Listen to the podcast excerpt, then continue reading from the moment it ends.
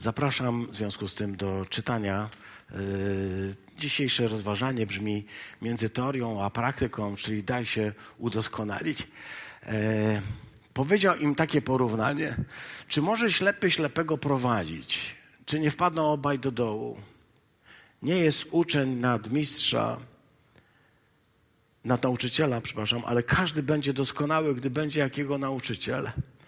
Dlaczego widzisz drzazgę w oku swego brata, a belki we własnym oku nie dostrzegasz? Jak możesz mówić swemu bratu, bracie, pozwól, że usunę drzazgę, która jest w twoim oku, gdy sam belki w swoim oku nie widzisz?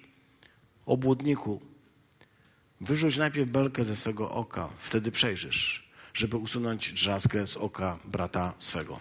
Amen. Dziękujemy Ci, Ojcze nasz, za to, że dzisiaj możemy także stanąć tutaj przed Tobą, przed żyjącym Bogiem pomiędzy nami, tym, który wszystko wypełnia, tym, który napełnia nas, który wypełnia każdą przestrzeń między nami. I wyznać, że jesteś naszym Panem, naszym Bogiem, naszym Królem, naszym wszystkim. Jesteś osobą najcudowniejszą i najpiękniejszą. Dzisiaj chcemy, abyś nas pouczył i poprowadził nas po tej równinie. W imię Chrystusa Jezusa. Amen. Powiedział też takie porównanie. Nie może ślepy ślepego prowadzić, bo obaj w dół wpadną. Myślałem sobie o tym w kontekście tego e, pięknego widoku mikołajskiego, bo może się roztaczać przed nami najpiękniejszy widok. Możemy być w najpiękniejszym miejscu na świecie, w takim miejscu, że po prostu zatyka z wrażenia, ale jeśli jest ciemno, albo masz zamknięte oczy, albo jest ciemna noc, to nic nie widzisz i właściwie masz wrażenie, że od, od budynek, od widoki, napisali na, cudowne widoki za darmo, tak chyba tam było widoki. Cudowne widoki za darmo. No takie widoki cudowne w ciemnym y, pokoju, jakby zgasić światło, po prostu takie cudne widoki. Wszystko jest kwestia otwartych oczu. Nie może ślepy ślepego prowadzić inaczej, jak właśnie w taki sposób. Rozważamy od pewnego czasu, y, zupełnie niechcąco, nauczanie, y, które nosi tytuł w Ewangelii Mateusza Kazanie na górze w Ewangelii Łukasza e, nazywane jest kazaniem na równinie. Jezus szedł na równinę i zaczął nauczać. Ja myślę, że naucza i na górze, i na równinie. I byśmy powiedzieli i w dole, e, i w każdej okoliczności, jak dzisiaj słyszeliśmy w świadectwie. E, I w jakimś sensie chcemy powiedzieć, że to kazanie na górze, to kazanie na równinie u Łukasza jest takim nie wiem, czy tak można powiedzieć, takim e, chyba taką kwintesencją nauczania Jezusa. Takim najtrudniejszym i najważniejszym ze wszystkich jego kazań, choć na pewno to, co teraz powiedziałem, może być spokojnie skrytykowane, bo, bo wszystko, co Jezus mówi, jest naj, najważniejsze, najtrudniejsze, najpiękniejsze, najfajniejsze, ale e, kazanie na górze uchodzi za rodzaj manifestu, który Jezus e, przedstawia. I zaczęliśmy ten manifest od końca. E, właściwie zaczęliśmy go po prostu od miejsca, gdzie. No właśnie, zaczęliśmy od takiego miejsca, w którym mówiliśmy o budowaniu domu, i z tego budowania domu no, ten tekst który rozważamy w Ewangelii Łukasza, szósty rozdział, on się tak kończy. On mówi, że każdy człowiek, który buduje dom, ale w taki sposób, że słucha mojego słowa, słucha tego, co mówię, słucha. To jest bardzo ważne. To nie jest tak, że każdy, kto buduje sobie jakiś dom, tylko każdy, kto słucha tego słowa, ale nie wprowadza go w czyn, jest kimś, kto buduje na piasku. Prędzej czy później przyjdą takie trudne okoliczności w jego życiu, że wszystko to, co zbudował, się zawali. To jest jego proroctwo, to jest jego słowa, to jest jego pouczenie i my możemy na to powiedzieć amen. To, co jest dla mnie ważne w tym, to to, że można słuchać słowa, można je znać, można je czytać, można y, jakby nawet sobie siedzieć i rozważać, ale wszystko zaczyna się od momentu, kiedy zaczynamy wykonywać. E, wiecie, kiedy na przykład oglądam nabożeństwa, nasze nabożeństwa przez internet, jestem zawsze pod wrażeniem tego, jak tutaj wszystko jest pięknie zrobione przez Was, jak to wszystko fa fantastycznie działa, jak to wszystko się pięknie toczy. ale bardzo często słychać rzeczy, na przykład w czasie śpiewania, których bym nie chciał usłyszeć, bo jakiś fałsz, bo jakiś zgrzyt. Ale wiecie, że kiedy się tutaj jest i się śpiewa i się po prostu człowiek włącza w to, to nie słychać tego wszystkiego? Nie słychać. Po prostu jesteś w tym, uwielbiasz Pana Boga i jestem po prostu szczęśliwy. I może są i fałsze, i jakieś zgrzyty, e, i może nieraz gdzieś tam dotro, gdzieś do ucha coś tam się wydarzy, to jednak one w ogóle nie przeszkadzają. I nie wiem, czy ktoś tak jeszcze ma poza mną. E, Grzesiu, jak tam u ciebie? Tak samo masz, hurra, cieszę się bardzo. Jak Grzesiu ma tak samo, to już jestem szczęśliwy. Problem jest wtedy, kiedy stajemy się słuchaczami, kiedy tylko siedzimy i słuchamy, kiedy słuchając e, zaczynamy wyłapywać błędy, a to nie tak jest powiedziane, to jest nie tak zaśpiewane. Można, wiecie, to co mówię, można doszukiwać się błędów. W świadectwach można doszukiwać się błędów, różnych potknięć i, i jakichś uchybień, ale kiedy zaczynamy wchodzić w pewne rzeczy, kiedy zaczynamy coś czynić, wtedy zaczynają się zmieniać okoliczności. I Jezus nam to mówi. Bądźcie teoretykami, słuchajcie, ale potem przejdźcie do praktyki, bo to e, pozostanie tylko na poziomie teorii jest bardzo fajne, ale ostatecznie powiem Wam, ono nie daje nam poczucia szczęścia, zadowolenia. Nie jestem szczęśliwym e, uczniem Chrystusa, jeśli tylko znam Go ze słuchania i mogę powiedzieć Amen, Amen, Amen, Amen, ale dopiero wtedy, gdy zaczynasz praktykować, gdy zaczynasz wykonywać, gdy to słowo przekuwasz na czyn, kiedy to, co usłyszysz, to, co przeczytasz, to, co dzisiaj także usłyszymy, to, co dzisiaj możemy przeczytać, jeśli to wprowadzę w czyn, kiedy zobaczę, że Ewangelia zaczyna działać, kiedy zobaczę, że ona zaczyna mnie zmieniać, kiedy zobaczę, że ona zmienia okoliczności, w których jesteśmy, że ona wpływa, że ona naprawdę działa, że ona naprawdę wykonuje swoją pracę, to mówię wam, że wszystko inne y, się umywa po prostu. I Jezus to mówi w tej przypowieści, y, w tym pięknym opowiadaniu o tym, że jeśli tylko słuchasz, dopóki słuchasz, możesz być krytykiem, możesz mówić dobrze, niedobrze, tak, nie tak, ale Jezus mówi, kto słucha i wykonuje, ten buduje dopiero dom na skalę. Dopiero wtedy chrześcijaństwo zaczyna nabierać korzeni, nabierać sensu. Hmm? Bo Jezus tutaj mówił to, co, na co zwróciliśmy uwagę, że chrześcijaństwo, które polega tylko na gadaniu, tylko na słuchaniu, tylko na tym, że coś przeczytam, coś posłucham, z kimś się nie zgodzę, z kimś, z kimś dyskutuję, z kimś będę miał inne zdanie, y, to to nie jest chrześcijaństwo. Ono zaczyna dopiero działać wtedy, kiedy te słowa wprowadzamy w czyn. Jakie słowa? I my te słowa sobie poczytaliśmy przez kilka ostatnich niedziel, Jedno z nich to było w czasie święta dziękczynienia. Mówiło o tym, żebyśmy pamiętali, żeby y, tak jak chcemy, by y, ludzie nam czynili, żebyśmy im najpierw tak robili. A więc najpierw coś wykonuj, najpierw bądź życzliwy, najpierw bądź uśmiechnięty, a potem zobaczysz, że zaczyna się dziać coś fenomenalnego, że zaczynasz wpływać na okoliczności, na ludzi. Zaczynasz ich zmieniać. Zacznij od najprostszej rzeczy, o której tutaj nie ma nic ani słowem, ale zacznij od tego. Zacznij się uśmiechać. Dziękuję. No może nie każdy. E, Okej. Okay. Nie, nie, wszyscy. Zacznij się uśmiechać. Po prostu, e, no wiecie jak wyglądamy, nie? Ale jak się uśmiechasz, to wyglądasz lepiej, słuchaj. Naprawdę wyglądasz lepiej. Y, lepiej wyglądasz i przede wszystkim tak bardziej przyjaźnie. Można do ciebie podejść. Miałem ostatnio o, o, obronę doktorską, w znaczeniu, ja miałem obronę doktorską, że ktoś się bronił, a ja go atakowałem.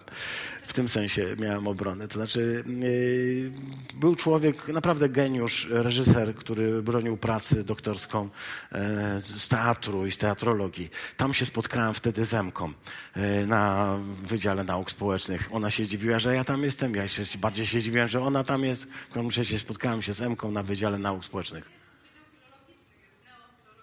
Słuchaj, to nie był Wydział Nauk Społecznych? Aha.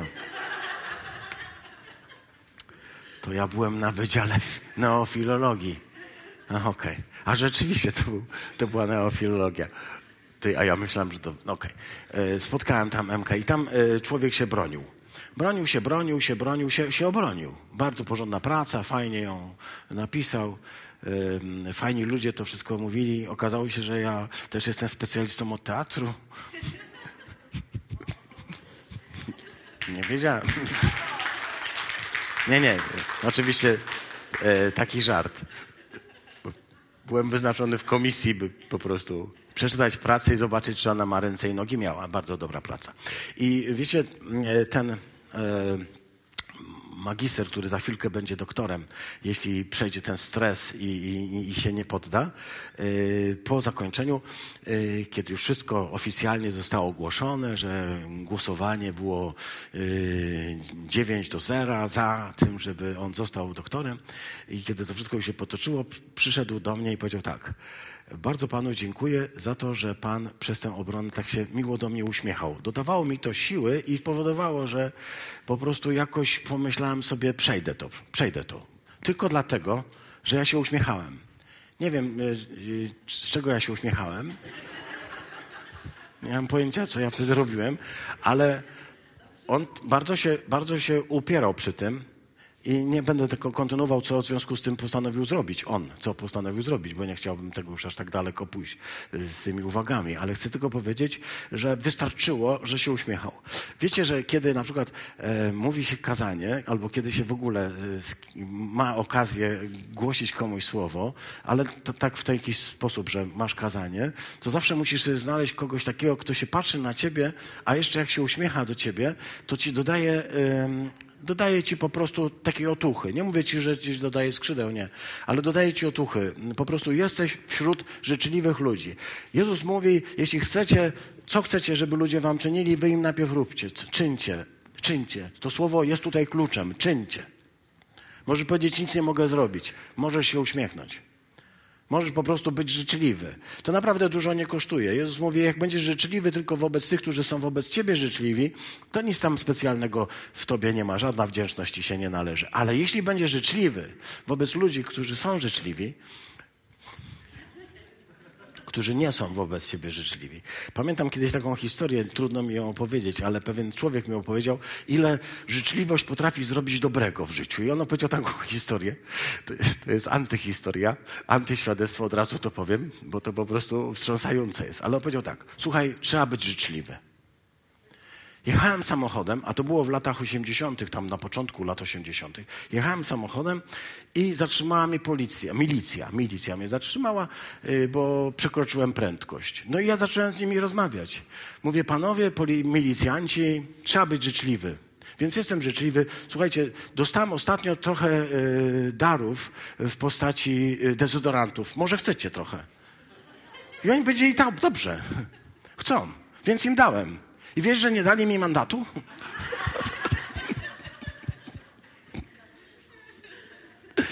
Przepraszam, musiałem to powiedzieć, bo do tej pory mi się śmiać chcę, choć to już było chyba z 30 lat temu. A może trochę więcej. Wystarczy być trochę życzliwy, ale nie w tym sensie. Tu nie chodzi o przekupstwo, tu nie chodzi o korupcję, tu nie chodzi o takie rzeczy, bo, bo to jest po prostu wtedy to to nie jest. To nie, nie, nie. nie mówię, żebyś się nie uśmiechał do policjantów, kiedy dają ci mandat. Niech się uśmiechaj się. Uśmiechaj się, ale nie proponuj im dezodorantów ani żadnych innych rzeczy, które masz w samochodzie jako formę swojej życzliwości, bo to nie o to chodzi. W każdym razie życzliwość i występowanie jakby z pewnym uśmiechem to jest coś praktycznego. Naprawdę wiele nie możesz zrobić, ale wiem, że wielu ludzi mówi właśnie coś takiego, że kiedy na przykład jako wspólnota jesteśmy wobec siebie życzliwi, to pewnie ludzie to zobaczą i powiedzą, lubię być na przykład wami, bo u was jest dużo życzliwości, bo po prostu rozmawiacie, bo się uśmiechacie i to jest nieraz klucz do wszystkiego, naprawdę. Jezus mówi o tym. Co byście chcieli, żeby ludzie im czynili? Czy życzliwość jest czymś, co byśmy chcieli, żeby ludzie nam czynili? Czy to się mieści w tych kategoriach, że ja teraz nie mówię o czymś, czego Jezus nie uczył? Nie, mieści się, prawda? Życzliwość jest czymś takim. W świecie, który jest ciemny, zamglony, y, zimny, coraz bardziej mroczny, w tym świecie Twój uśmiech jest jakimś promykiem, który powoduje, że ktoś może mieć lepsze nastawienie. Jezus w ten sposób to przygotowywał, mówił. I, I, mówił też o innych rzeczach, myśmy to sobie spokojnie rozważali, ale w, muszę zwrócić Waszą uwagę, bo to dwa tygodnie temu zwróciliśmy uwagę, bądźcie miłosierni, jak Ojciec Wasz jest miłosierny. Tu jest jakby, dochodzimy do, do centrum, tak? Powiedzieliśmy, że ten tekst w Starym Testamencie brzmiał świętymi bądźcie, bo ja jestem święty, a w Ewangelii Mateusza paralelny tekst do tego, co tutaj czytamy, brzmiał bądźcie doskonali, bo ja jestem doskonały, a Łukasz to przedstawił tymi słowy: bądźcie miłosierni. Świętość, doskonałość, miłosierdzie. Myślę, że wszystkie te terminy, które mówią o tym, że Bóg jest święty, Bóg jest doskonały, sprowadzamy do tego, że dlatego jest święty i dlatego go odkrywamy jako świętego Boga, tak naprawdę, ponieważ jest miłosierny. Bo wiecie, gdyby on był święty, ale nie miłosierny, to byśmy go nie uwielbiali. To byśmy się tylko bali, to byśmy tylko uciekali, bo gdyby był tak potężny i święty, że wiesz, jednocześnie byłby niemiłosierny w tym swojej świętości, byłby taki, zrobiłeś, należy ci się kara, koniec, już nic się dobrego nie spotka, to wtedy byłby tylko lęk, strach, przerażenie, jak to mówią astronomowie, Phobos i Deimos, dwa e, księżyce Marsa. Strach i przerażenie. Phobos i Deimos. Strach i przerażenie. Ale nasz Bóg jest doskonały, bo jest święty i jest miłosierny. To wszystko razem. Wiem, że chrześcijaństwo wiele traci, kiedy skupia się na świętości albo doskonałości, jeżeli w tym nie ma miłosierdzia. Jeśli w tym wszystkim nie ma miłosierdzia, to chcę Wam powiedzieć, siostry bracia, to, czego każdy z nas doświadcza. Świat bez miłosierdzia jest światem nieznośnym, niemożliwym do życia. Relacje, w której nie ma miłosierdzia, w której ktoś nam nie okazuje miłosierdzia, są relacjami, które prędzej czy później będą dla nas ciążą, cią, cią, ciężkie, cią, będą ciążyły, będą jak kula ponieważ miłosierdzie stanowi pewien fundament właściwie y, tego wszystkiego, co tutaj odkrywamy. I ja wiem, że nasi starsi bracia w wierze Żydzi y, mówią o tym, że nie, nie są w stanie zrozumieć Jezusa, który coś takiego mówi, bo to jest niesprawiedliwe. Nie można być miłosierny wobec ludzi, którzy nie okazują miłosierdzia. Nie można być miłosierny wobec ludzi, którzy okazują, nie okazują miłosierdzia. Ale ja chcę powiedzieć właśnie wobec ludzi, którzy nie okazują miłosierdzia.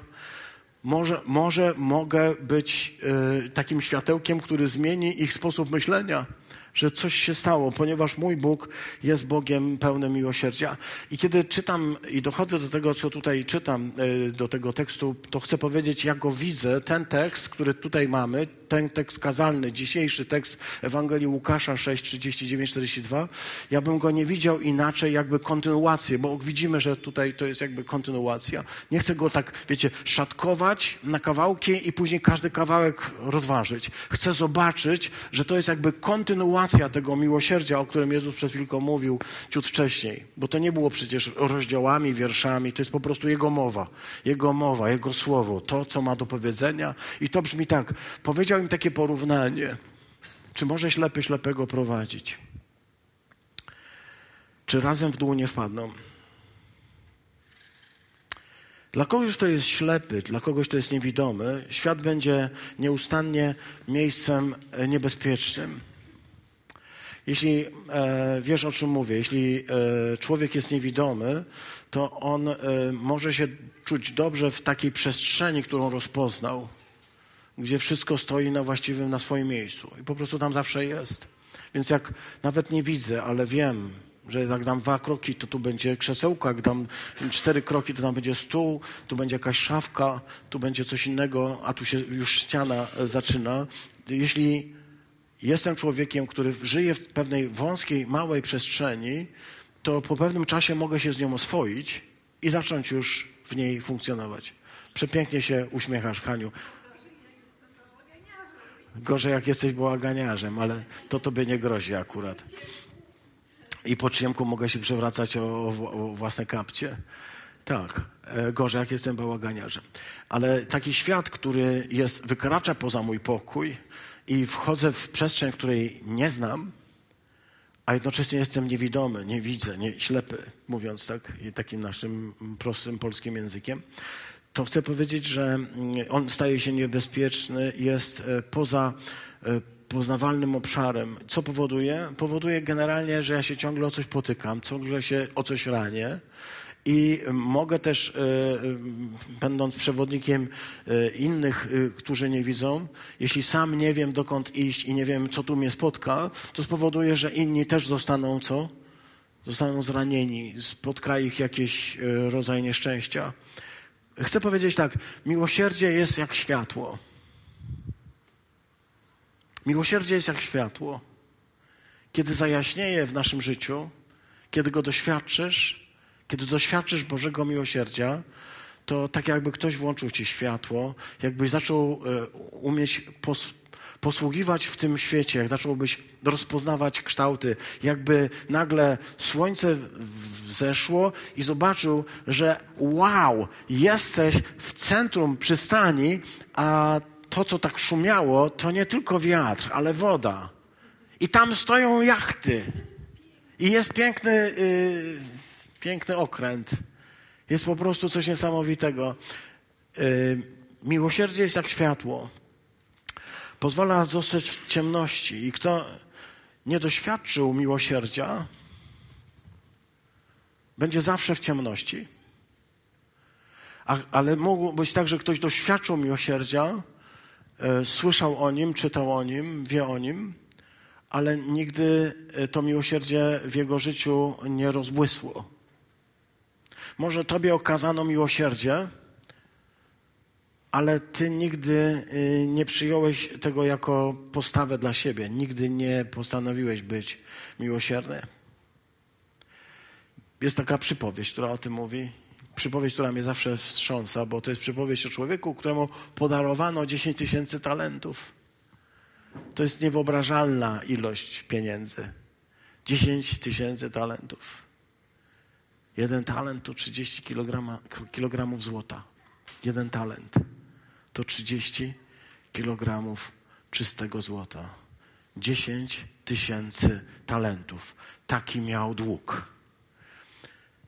I poprosił i powiedział: Panie, oddam. Nie wiem jak, nie wiem czy, ale oddam. I Bóg powiedział, i Pan powiedział: OK, daruję ci, cały dług ci daruję. I potem wychodzi na zewnątrz i widzi kogoś, kto jest winien mu 100 drachm. To jest dużo, 100 drachm to jest dużo. Ale w porównaniu z dziesięcioma tysiącami talentów to jest nic. I czytamy, że złapał człowieka i dusił go. I mówi, oddawaj, złodzieju, oddawaj, coś mi zabrał. Wrzucił go bez miłosierdzia do, do ciemnicy. Powiedział, nie wyjdziesz, póki nie oddasz tych stu denarów. Miłosierdzie jest jak światło, które powoduje, że wszystko, co zaczyna y, do ciebie docierać, jest inne. Jeśli jesteś miłosierny, świat staje się inny. Twój świat. Zaczynasz w tym świecie inaczej funkcjonować. Jesteś jak człowiek, który zaczyna widzieć. Jezus mówi, jeśli będziesz miłosierny, jak Ojciec jest miłosierny, wtedy będziesz miał w sobie to światło, które będzie kierowało Twoim życiem. Wtedy będziesz okazywał miłosierdzie i będziesz zbawieniem i ratunkiem dla ludzi, którzy żyją w tym świecie. Bo dzisiejszy świat jest pogrążony w ciemności, w chaosie i coraz większym, e, w coraz większym jakimś bezsensie. Ten świat może być uratowany przez to, że ty będziesz w nim miłosierny i pokażesz, jaki jest Ojciec. Wysłuchaliśmy wczoraj y, bardzo mocnego świadectwa Krzysia Flaszy, pastora z zboru Białego Stoku, który opowiadał o tym, w jaki sposób pomagają ludziom, y, którzy znajdują się y, no, jakby w, w tym momencie przechodzenia z granicy białoruskiej do, do Polski jak stukają do domów ludzi i, i, jak są traktowani, jak też dramatyczne okoliczności, kiedy znajdują ich nieżywych i kiedy proszą go o pogrzeb. Y, myślę, że poprosiłem, żeby kiedyś do nas przyjechał i nam opowiedział pewne rzeczy, bo to jest bardzo dramatyczna sytuacja. Ale on powiedział coś takiego, że mm, wielu ludzi e, myśli, że chrześcijaństwo to jest taka religia e, ludzi e, fa fatalnych, fałszywych, bez serca. I kiedy on mówi, ze względu na Chrystusa okazywane miłosierdzie, oni pierwszy raz się spotkali z tym.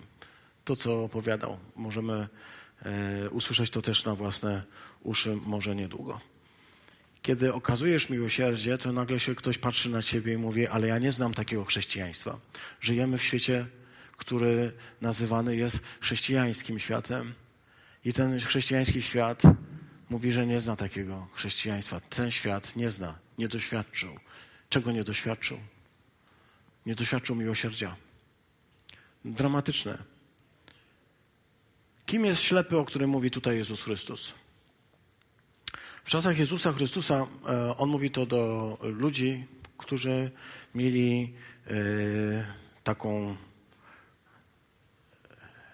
przypisali sobie, e, nazywali się w ten sposób mm, faryzeusze. Ruszaim, czyli odseparowani. Odseparowani. Odseparowani od,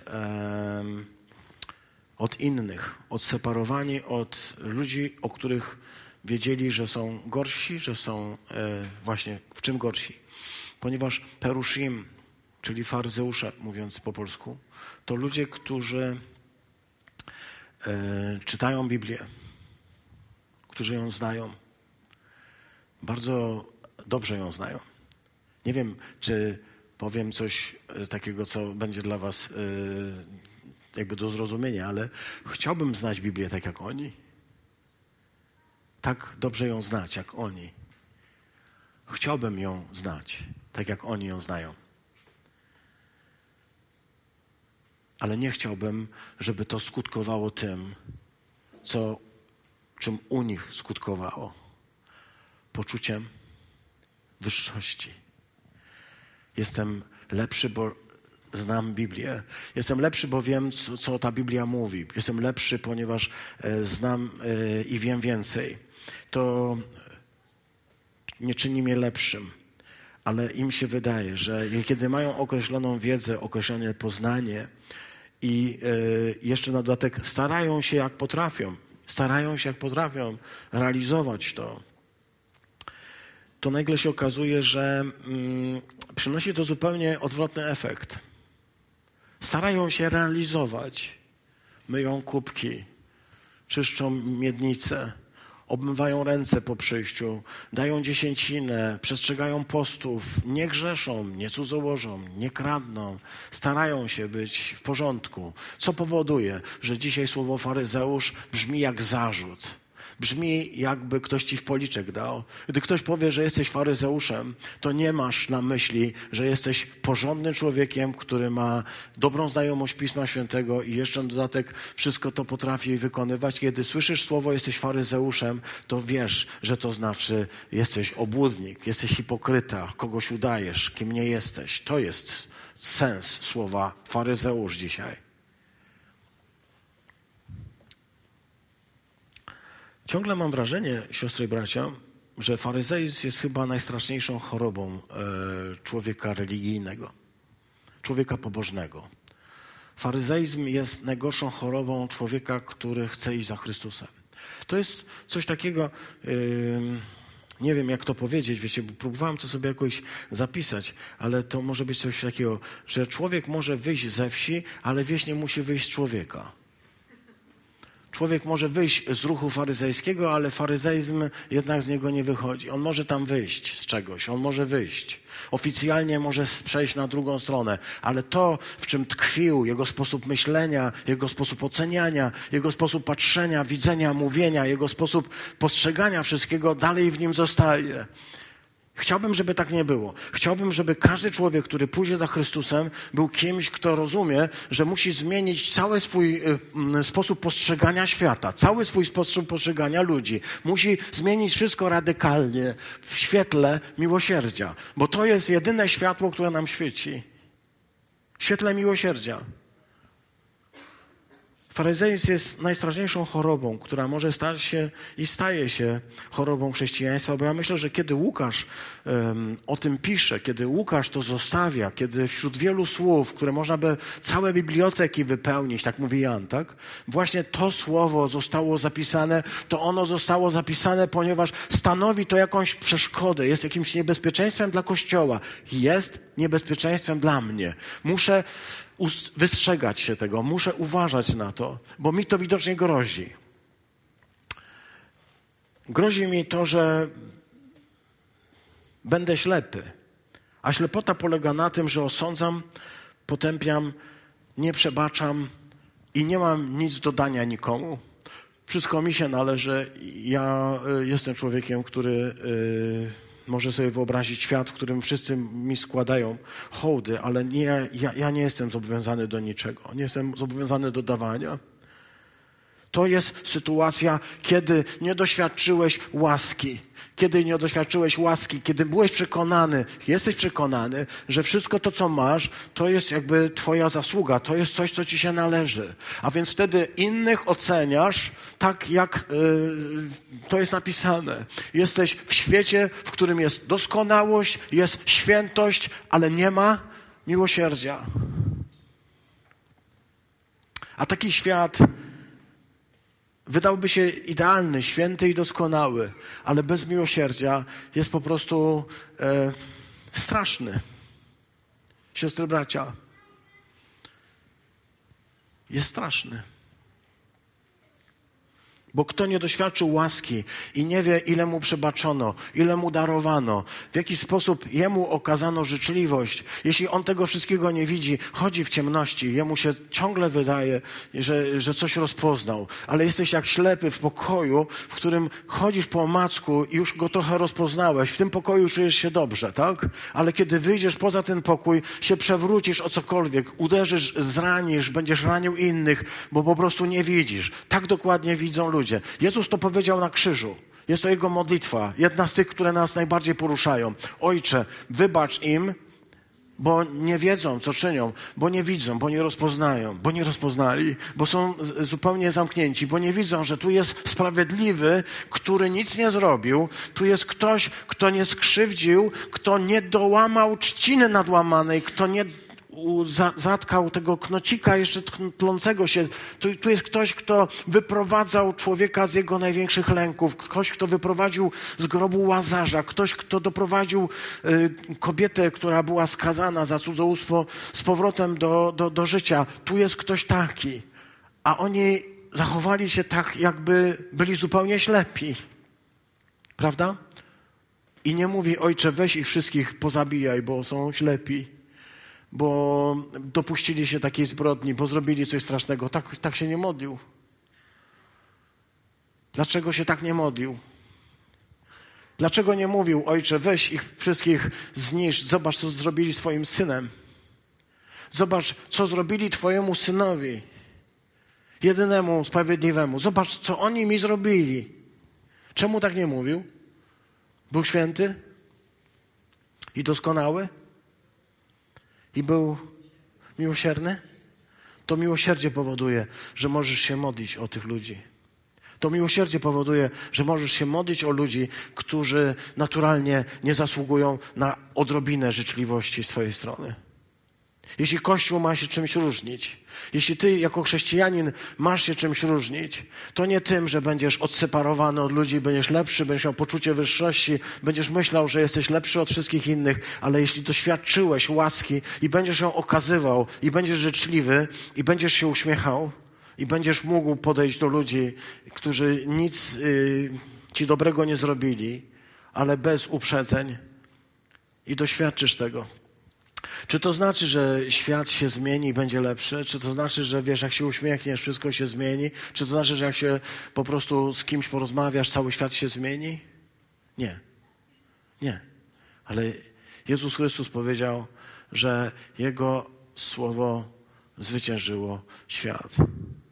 Zacznij to robić. Możesz o tym czytać, możesz to znać, możesz powiedzieć, tyle razy to czytałem, ale mam prośbę dzisiaj do Ciebie. Zacznij, zacznijmy to praktykować. Zacznijmy to praktykować. Ewangelia dopiero wtedy zaczyna działać, kiedy jest prowadzona w czyn. Nie wtedy, gdy wszystko wiesz.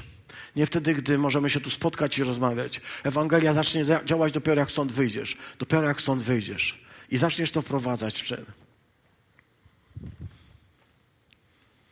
Jeśli ktoś nie doświadczył łaski, albo jej doświadczył i nawet nie zauważył, jeśli myślisz, że wszystko, co masz, to jest Twoja zasługa, jeśli nigdy nikomu nie potrafiłeś nic podarować, jeśli nie okazywałeś życzliwości, jeśli uważasz, że jesteś sprawiedliwy i masz prawo osądzać, masz prawo potępiać, to chcę Ci powiedzieć, jesteś ślepy. Nie masz prawa nikogo nigdzie prowadzić. Bo jeśli ślepy prowadzi ślepego, to jak w banku, że w dół wpadną. Jezus mówi tak, nie jest uczeń nad nauczyciela, ale każdy, każdy będzie doskonały, gdy będzie tak jak jego nauczyciel. Bardzo ciekawe zdanie, nie wiem, czy byście się zgodzili. Bardzo ciekawe zdanie. Wydawałoby się, że no, można być lepszy niż nauczyciel. Ale on mówi, wystarczy ci być jak nauczyciel. Jako chrześcijanie mamy jedną rzecz do, do powiedzenia. Nie chcemy być świętsi niż Pan Jezus. No fajnie, że się uśmiechnęliście. Nie chcę być świętszy niż Jezus. Nie chcę być świętszy niż Bóg. Nie chcę być e, doskonalszy niż Pan Bóg. Nie wiem, czy się zgodzicie. Można powiedzieć, ale nikt z nas nie będzie ani świętszy, ani doskonalszy, ani sprawiedliwszy. Nikt z nas nie będzie taki. E, nikt z nas nie będzie, ale niektórym się wydaje, że już są blisko. Przecież Jezus powiedział, będą robić większe rzeczy nad te, które ja robię, więc oni mogą być jeszcze świętsi niż On, jeszcze doskonalsi niż On. Jezus różne doskonałe rzeczy robił, a oni będą doskonalsi. Chcę tak prze, przegiąć trochę. Chcę, żebyście to usłyszeli. Chcę, żebyście usłyszeli o tym. Wystarczy być takim jak Jezus. Zwróciłem uwagę na to słowo, każdy niech będzie doskonały jak jego nauczyciel. Ale to słowo nie jest, ono wcale nie, nie ono jest słowem, który wcale nie oddaje tego, co, co jest najczęściej e, powiedziane. I to mi się zawsze podoba, bo to jest jakieś takie słowo dziwne, dziwne słowo, które, e, słuchajcie, o, żebyśmy je zrozumieli. Co to znaczy być doskonały tak jak Jezus?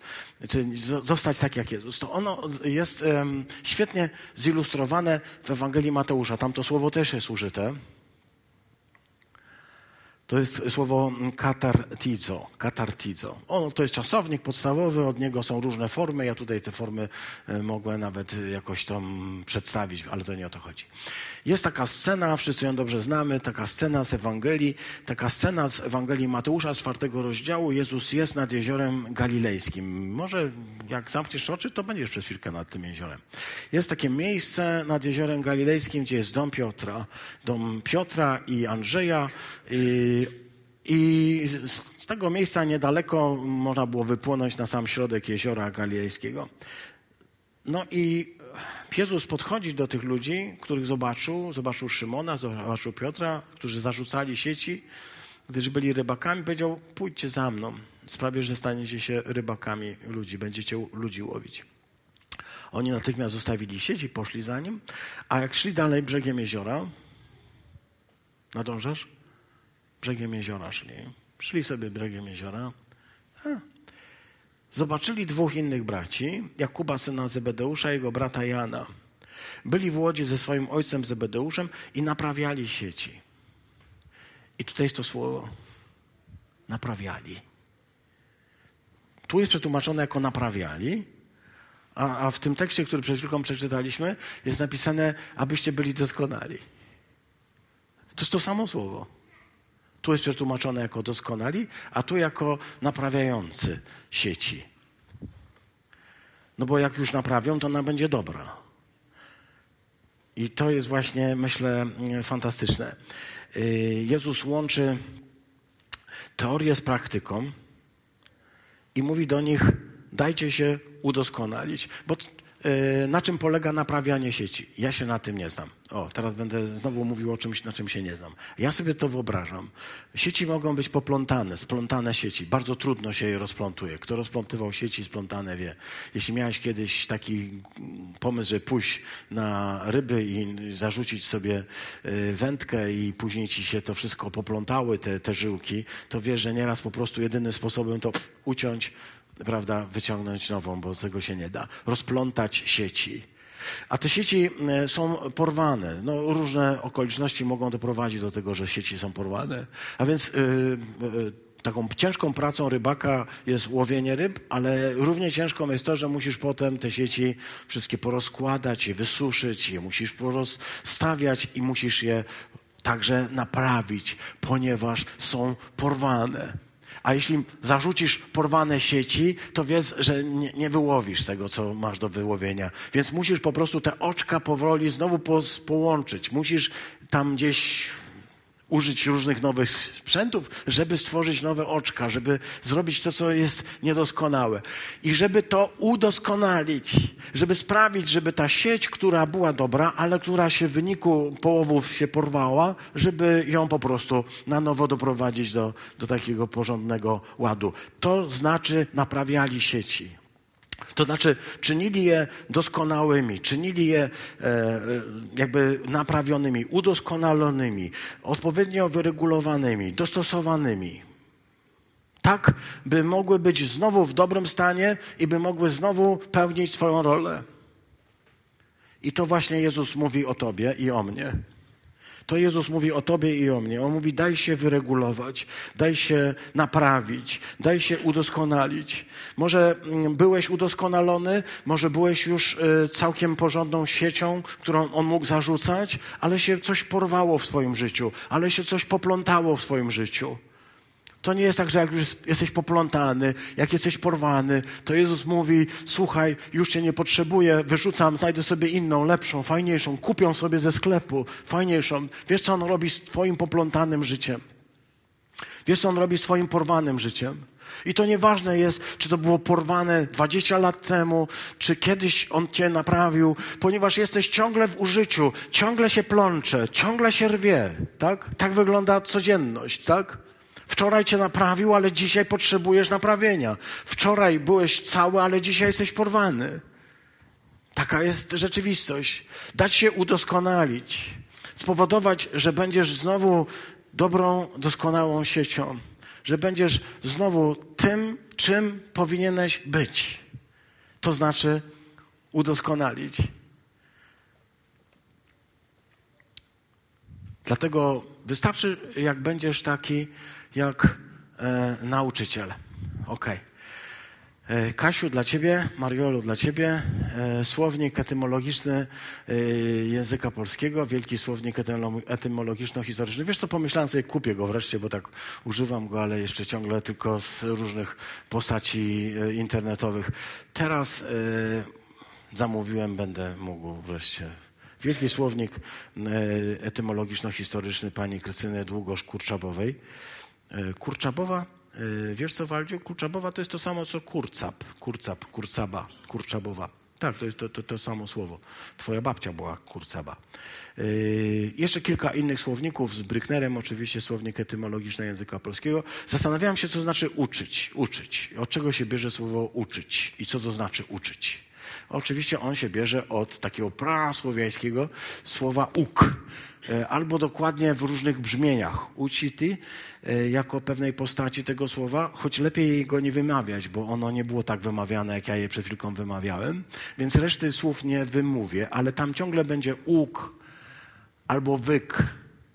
Uk, które przechodzi w wyk. Nieważne jak. Wszystkie języki słowiańskie mają słowa uczyć, uczyciel, a w języku polskim jest jeszcze taki, taka funkcja, którą się określa mianem e, takiej sylaby w nagłosie, czyli tego na. Nauczyciel. Nauczyć. Więc uczyć, ale w języku polskim jeszcze jest nauczyć. E, to słowo uk jest w języku polskim stosowane. Mówi się na przykład, że ktoś jest nie uk, albo ktoś jest samo uk. Uk. Pozostało, wiecie, to uk zostało, tak? Jak szukałem tego UK, to ciągle mi Wielką Brytanię pokazywało, nie wiem czemu. Więc UK, a tu Wielka Brytania. UK, Wielka Brytania. UK. To słowo UK e, znaczy coś, ktoś, kto przyswaja, ktoś, kto e, przyjmuje, ktoś, kto e, przy, zaczyna, e, no właśnie, zaczyna e, do, przyjmować w procesie przekazywaną wiedzę, przyjmuje to jako coś swojego. E, I to jest po prostu dla mnie e, bezcenne, bo to, e, to uk znaczy ni mniej, ni więcej jak to, że się po prostu czegoś uczy. A w języku polskim jest taka różnica między uczyć się, a nauczyć. Jako już coś, co jest tak, dokonany. E, Uczyłem się, uczyłem, bo ja nieraz tak e, mówiło się w domu u mnie. Ma- Mama się pyta, uczyłeś się, uczyłem, a nauczyłeś? No, okazało się, że nie do końca. A więc to nauczenie się y, to jest tutaj bardzo ważne. To jest rodzaj y, takiego y, doprowadzenia do sytuacji, w której, e, no właśnie, nawyk, to jest też nawyk, bo od słowa uk jest wyk, jest nawyk, a więc ktoś, kto nabiera pewnych nawyków. I ja tutaj chciałbym zwrócić Waszą uwagę, kochani siostry i bracia, że e, ten nawyk, e, ta nauka to proces, który jest procesem wymagającym. Nawyk, nauka wymaga kilku rzeczy. Wszyscy, którzy mają ten nawyk i tę naukę, wiedzą, że ona wymaga po pierwsze czasu. Nic nam nie przychodzi, jeśli nie poświęcimy czasu, tak? Jeśli nie poświęcimy czasu, nie wyłożymy pewnego wysiłku, nie włożymy pewnej energii i nie włożymy pewnego zaangażowania, pewnego zapału. Jeśli tam nie włożysz tego wszystkiego, to się nie nauczysz. To nie jest tak, że włożysz książkę pod poduszkę, cyk i rano się obudzisz, wiersz gotowy. Chciałbym tak, ale nie wychodzi, bo to wymaga energii, czasu, to wymaga wysiłku i to wymaga zaangażowania. Bo jeśli się uczysz bez zaangażowania, to znaczy bez e, tego, żeby się w coś ym, zapalić, to się nigdy czegoś nie nauczysz. Będziesz zawsze człowiekiem, który coś tam opanuje, ale dopiero zaangażowanie, zapał, dopiero coś takiego, co powoduje, że po prostu wchodzisz w to, zaczyna ciebie e, zmieniać. Więc nauka jest procesem wymagającym. Wy wiecie o tym, że tutaj jest powiedziane, e, że każdy, kto e, chce być moim uczniem, jest człowiekiem powołanym do tego, żeby włożyć swoją energię, swój czas, swój wysiłek, całe za, zaangażowanie w to, by być jak uk, ten nauk, ten nauczyciel, aby być jak on. I tu myślę sobie tak, człowiek jest, jest y, jako chrześcijanin, jestem powołany do tego. Jezus Chrystus chce, aby Jego uczniowie byli do Niego po- podobni. Byli podobni do Niego w Jego relacji do Boga, Jego relacji do ludzi. Żebyśmy byli tak jak On. I jak wszedłeś do tej kaplicy, to wiedziałeś, że to jest y, istota chrześcijaństwa, i jak będziesz wychodził, będziesz miał to samo. Istotą chrześcijaństwa jest bycie podobnym do Niego aby być y, przejęty Jego e, sposobem patrzenia, Jego sposobem mówienia, Jego sposobem do, do ludzi, abyśmy przejęli postawy wobec innych tak jak On, abyśmy się zachowywali jak On, ponieważ noblesse oblige, jak mówią Francuzi, noblesse oblige, szlachectwo zobowiązuje. Jesteś uczniem Chrystusa, bądź więc jak On i nic więcej. Nie musisz być doskonalszy, nie musisz być lepszy. Ale wszystko zaczyna się od oczu. Dlatego Jezus powie, wiesz, e, z tym jest troszkę tak, że no właśnie, może być tak, że e, masz jakiś kłopot z, z okiem. I myślę sobie, siostry, bracia, my się nigdzie nie śpieszymy. Do kwestii kłopotu z oczami, do dalekowzrocznych i do bliskowzrocznych, do owoców, które się rodzi z tego, będzie okazja wrócić. Dzisiaj więc chciałbym tylko Was zachęcić do tego, żebyśmy się popatrzyli na to, czy rzeczywiście miłosierdzie jest dla mnie e, drogowskazem, światłem, czymś, co rozpaliło moje serce i spowodowało, że teraz widzę wszystko inaczej, widzę wszystko takim, jak naprawdę jest. Jeśli tak, jeśli miłosierdzie będzie naszą lampą, to nie będziemy ślepi. To będziemy mogli innych poprowadzić. Ale warunek jest taki. Doskonałość i świętość tylko wtedy, gdy jest miłosierdzie. Bez tego zamieniamy się w faryzeuszy w najczystszej postaci. Tego Wam nie życzę. Z całego serca tego Wam nie życzę. Noblesse oblige. Szlachectwo zobowiązuje. Jemu niech będzie chwała Chrystusowi. Amen.